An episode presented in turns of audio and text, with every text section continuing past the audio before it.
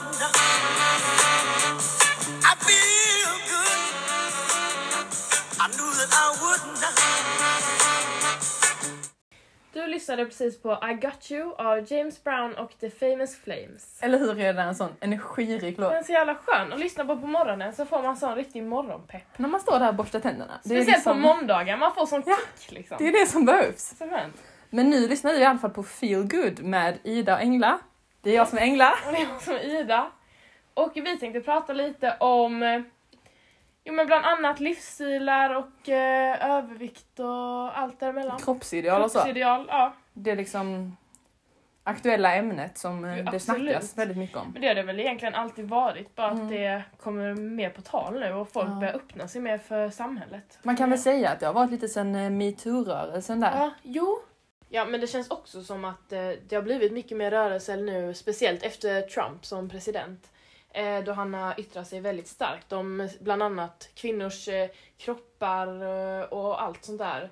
Eh, så det känns som att folk har delat med sig mer av sina historier och sina ja. Erfarenheter. Han har ju väldigt starka åsikter den där Trump alltså. jo. Men eh, det här du snackar om kroppar. Mm. Ska vi börja snacka lite om övervikt och fetma kanske? Absolut.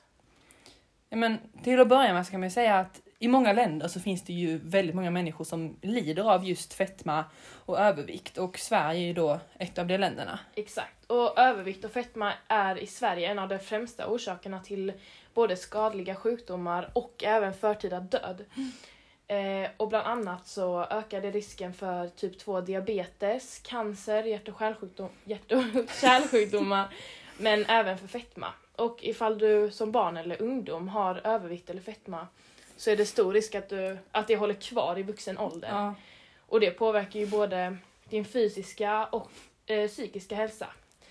Det kan väl även påverka kvinnors graviditeter och Ja. så.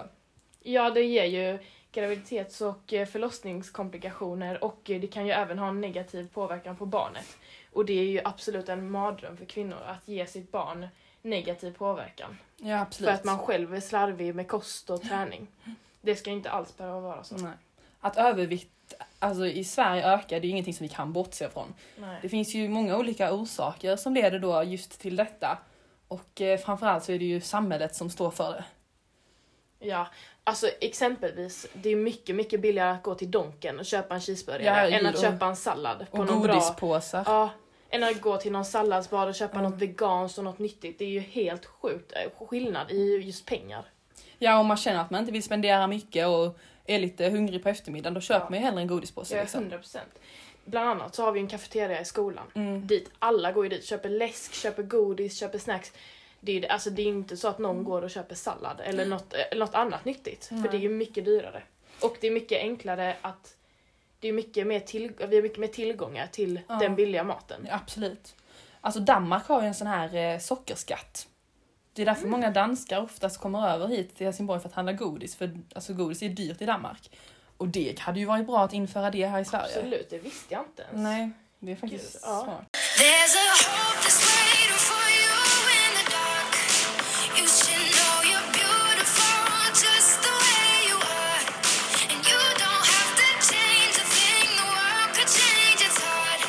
lyssnade precis på Scars to your beautiful av Alicia Cara. Alltså den här låten visar ju verkligen att alla är fantastiska på sitt eget sätt och man behöver ju inte ändra på någonting för att liksom, alltså hitta sig själv. Nej, och det leder ju eh, lite på samma spår till vårt nästa samtalsämne, just ätstörningar. För ätstörningar kan ju verkligen innebära jätte- jättestora förändringar i Mm. någons liv. Både på utsidan och på insidan. Ja, absolut. Och det finns ju jättemånga olika typer av ätstörningar och därmed jättemånga olika kännetecken för att se Mm. om någon har det. Att själv veta om man har det, det kan ju vara, kännas rätt så lätt för man vet ju hur det känns att man kanske är lite nere och inte vill äta. Mm. Men om en kompis har det, hur ska man då se på det liksom? Ja. Eh, det är ofta så att man heller inte vill erkänna att man Nej, mår exakt. dåligt själv. Så vi har några exempel här som du liksom kan tänka på ifall du känner att din kompis kanske är lite mer nere. Så ska du kolla efter just detta. Bland annat om din kompis eller någon annan i din närhet blir mer fixerad vid vad den äter eller vid sin vikt. Eller kanske inte äter alls Ja. under lunchen. Eller om eh, den du ätit med går iväg, då kan det antingen betyda att den går iväg och kräks, vill få ur sig det den har ätit. Och det kan även börja lukta syror efter ett tag om den eh, ja men till slut har man ju bara syror kvar i kroppen eller börjar använda laxeringsmedel då kräkreflexerna slutar fungera. Ja. Och eh, det kan även vara att den äter en viss mat på sär- särskilt sätt för att annars får den ångest och så. Och om du eller någon annan i din närhet eh, passar in på dessa kriterier måste du söka hjälp direkt. Mm. Alltså man kan ju även, om man då snackar om sig själv här så kan man ju ha Mm. svårt att, för att koncentrera sig. Man kan ju känna sig nedstämd och liksom deprimerad och ha ångest. Ja, eller alltså om det går för långt så kan man ha självskadebeteende eller även ha Mm. självmordstankar. Ja. Så det är verkligen jätte, jätteviktigt att söka vård om du känner igen Mm. dig på dessa kriterier. Prata med någon som du har nära, om det kan vara en lärare, en eh, familjekompis eller dina ja. föräldrar. Även kompisar, de är också jättebra till hjälp. Och så ska vi ta upp några exempel då på ätstörningar, för du sa ju att det fanns några olika. Vilka finns det? Eh, en av de vanligaste ätstörningarna är ju anorexia och det tror jag Ja. de flesta har hört talas om. Ja, det har jag gjort. Eh, anorexia kan innebära att du håller en strikt diet eller att du fastar eller att du svälter dig själv, vilket är väldigt hemskt. Eh, och det är vanligt att man också tränar överdrivet mycket och är väldigt rädd för att öka i vikt. Man har ju även också en liten konstig uppfattning om sin vikt. Man eh, ser sig oftast själv väga många fler kilo än vad man egentligen Man ser sig gör. själv i spegeln mycket större än vad man egentligen är.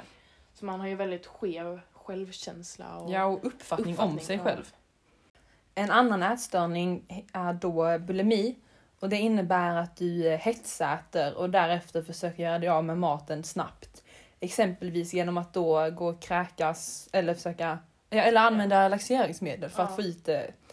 Eh, och den här sjukdomen kan göra att du drar dig undan och isolerar dig från andra människor eftersom att du liksom skäms över dina problem. Ja, och det finns även en annan ätstörning som heter hetsätstörning eh, och eh, även en förkortning BED. Och det innebär att du har perioder då du hetsäter men du gör dig inte av med maten efteråt utan du bara proppar i dig mat. Och det kan även leda till att du blir överviktig eftersom att du aldrig gör dig av med maten som du proppar i dig. Och om du har hetsätstörning är det även vanligt att du har det eh, att du har haft andra ätstörningar innan som anorexia eller bulimi.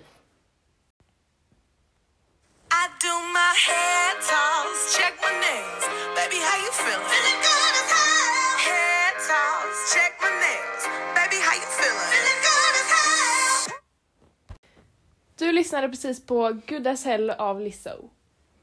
Alltså många som lider av ätstörningar eh, lider ju även av sämre självförtroende och självkänsla. Ja. Men vad är egentligen skillnaden mellan det?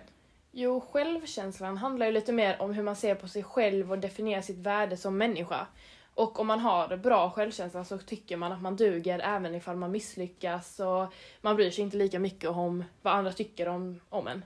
Medan självförtroende handlar om att tro på sin egna förmåga att prestera och klara av att göra saker. Och om man har högt självförtroende så mår man ofta bra när man har klarat av något svårt eller Mm. så. Så att eh, jag tror att jag har bättre självkänsla än självförtroende. För jag känner att jag, har, jag vet mitt värde men, och jag vet att jag Ja. presterar bra även, eller så här. ja men det tror jag nog med för jag bryr mig inte riktigt om vad folk tycker. Nej. Men det här med självförtroendet det kan kännas lite svårt typ man har inlämningar i skolan. Ja, Jag tror ju inte att jag klarar av någonting då. nej. Och det kan också handla mycket om utseende Ja. självförtroende. Ja. Så att om man tycker man är snygg och sånt. Jag, jag vet mitt, jag vet att om någon, tycker jag, om någon annan tycker jag är ful så Mm. vet jag att jag inte ska bry mig om det. Nej. Men jag kanske inte själv känner mig snygg om någon säger det. Nej jag fattar. Så att det är ju stor Ja. skillnad. Men Ja absolut.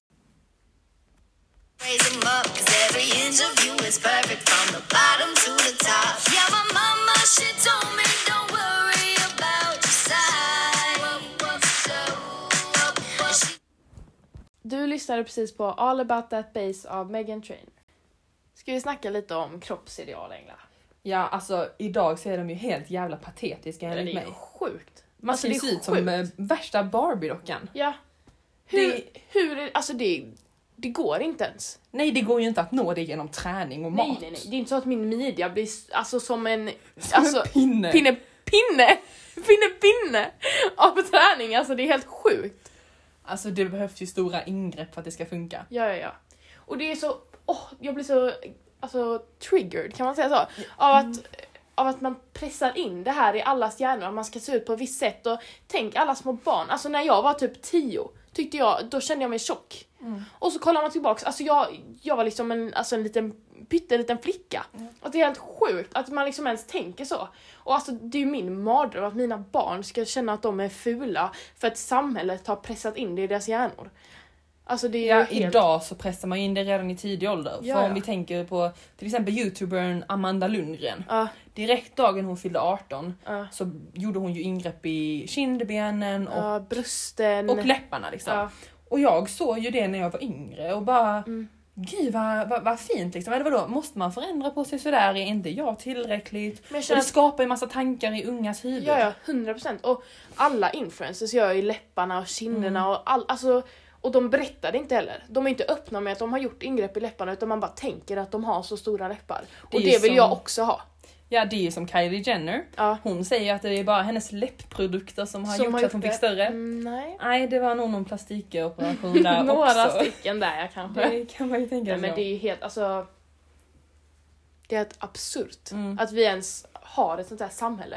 Och det ändras ju för varje årtal. Ja, Det ja. ändras ju hela tiden, våra normer och våra alltså, ideal ska ändras hela tiden. Man kan ju inte hålla sig till, Nej. till alltså, man kan inte förändra på sin kropp hela tiden, det går ju inte. Om man tänker förr på typ eh, romartiden, Ja. då ville man ju ha stora och Ja, lite tjocka Det var, ju, kvinnor. det var ju rikt att vara tjock. Mm. De kunde ju föda barn också. Ja. I am brave, I am bruised, I am who I'm meant to be. This is me. Look out, 'cause here I come. Du lyssnade precis på This is me från filmen The Greatest Showman. Okej, då har vi kommit fram till den sista punkten. Och det är vad behöver göras för att fler människor ska få en hälsosam livsstil? Vad kan till exempel individen göra? Vad kan skolan göra? Och samhället? Det finns ju jätte- jättemycket vi kan ändra på i vårt samhälle. Det, det jag känner är skönt är att vi bor i ett så litet samhälle som Höganäs för att vi har så mycket större påverkan. Ja, absolut. Eh, och, och en sak som jag tycker att samhället kan göra bättre, det är modereklamerna. Ja, Det man ser nu är blonda, blåögda, smala, långa modeller. Det hade varit mycket, mycket bättre om vi fick in mer kultur och mer Mm. ursprung. Mer storlekar och längder också liksom. Mm. För då kommer alla kroppar bli mer normaliserade och det kommer absolut att kännas bättre för de människor som har lite mer fett på kroppen. Ja. Alltså jag hade känt mig mer accepterad av omvärlden. Ja. Och det får oss lite att komma in på just sociala medier. Att man borde faktiskt tänka igenom en extra gång om vad man kollar på på exempelvis Instagram. För väldigt mycket av sakerna där är retuscherade.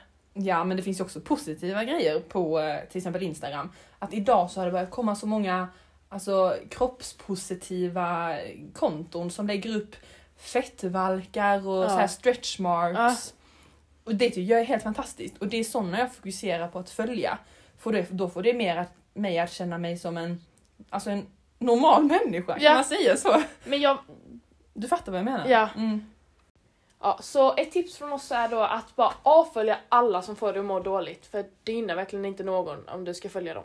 Nej, och det är ju samma sak med kompisar. Ja, Du borde bara kasta dem som kommenterar kroppar och sånt. ja det är så onödigt Mm. att ha kvar dem i ditt liv om de får dig att må dåligt. Ja, det är till exempel en incident som hände nu faktiskt för några veckor sedan. Ja, Innan vi skulle simma i klassen Ja, så var det ju en eh, tjejkompis till oss som kommenterade en annan klasskompis kropp. ja.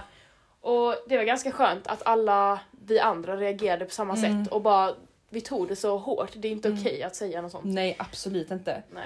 Så det, det är bara liksom umgås med någon som får dig att må bra. Ja. Men tänk på att håll avstånd. Håll avstånd. Ja, Okej, så vi vill bara avsluta med att säga att lita inte på allt ni ser på nätet och ha en verklighetsuppfattning.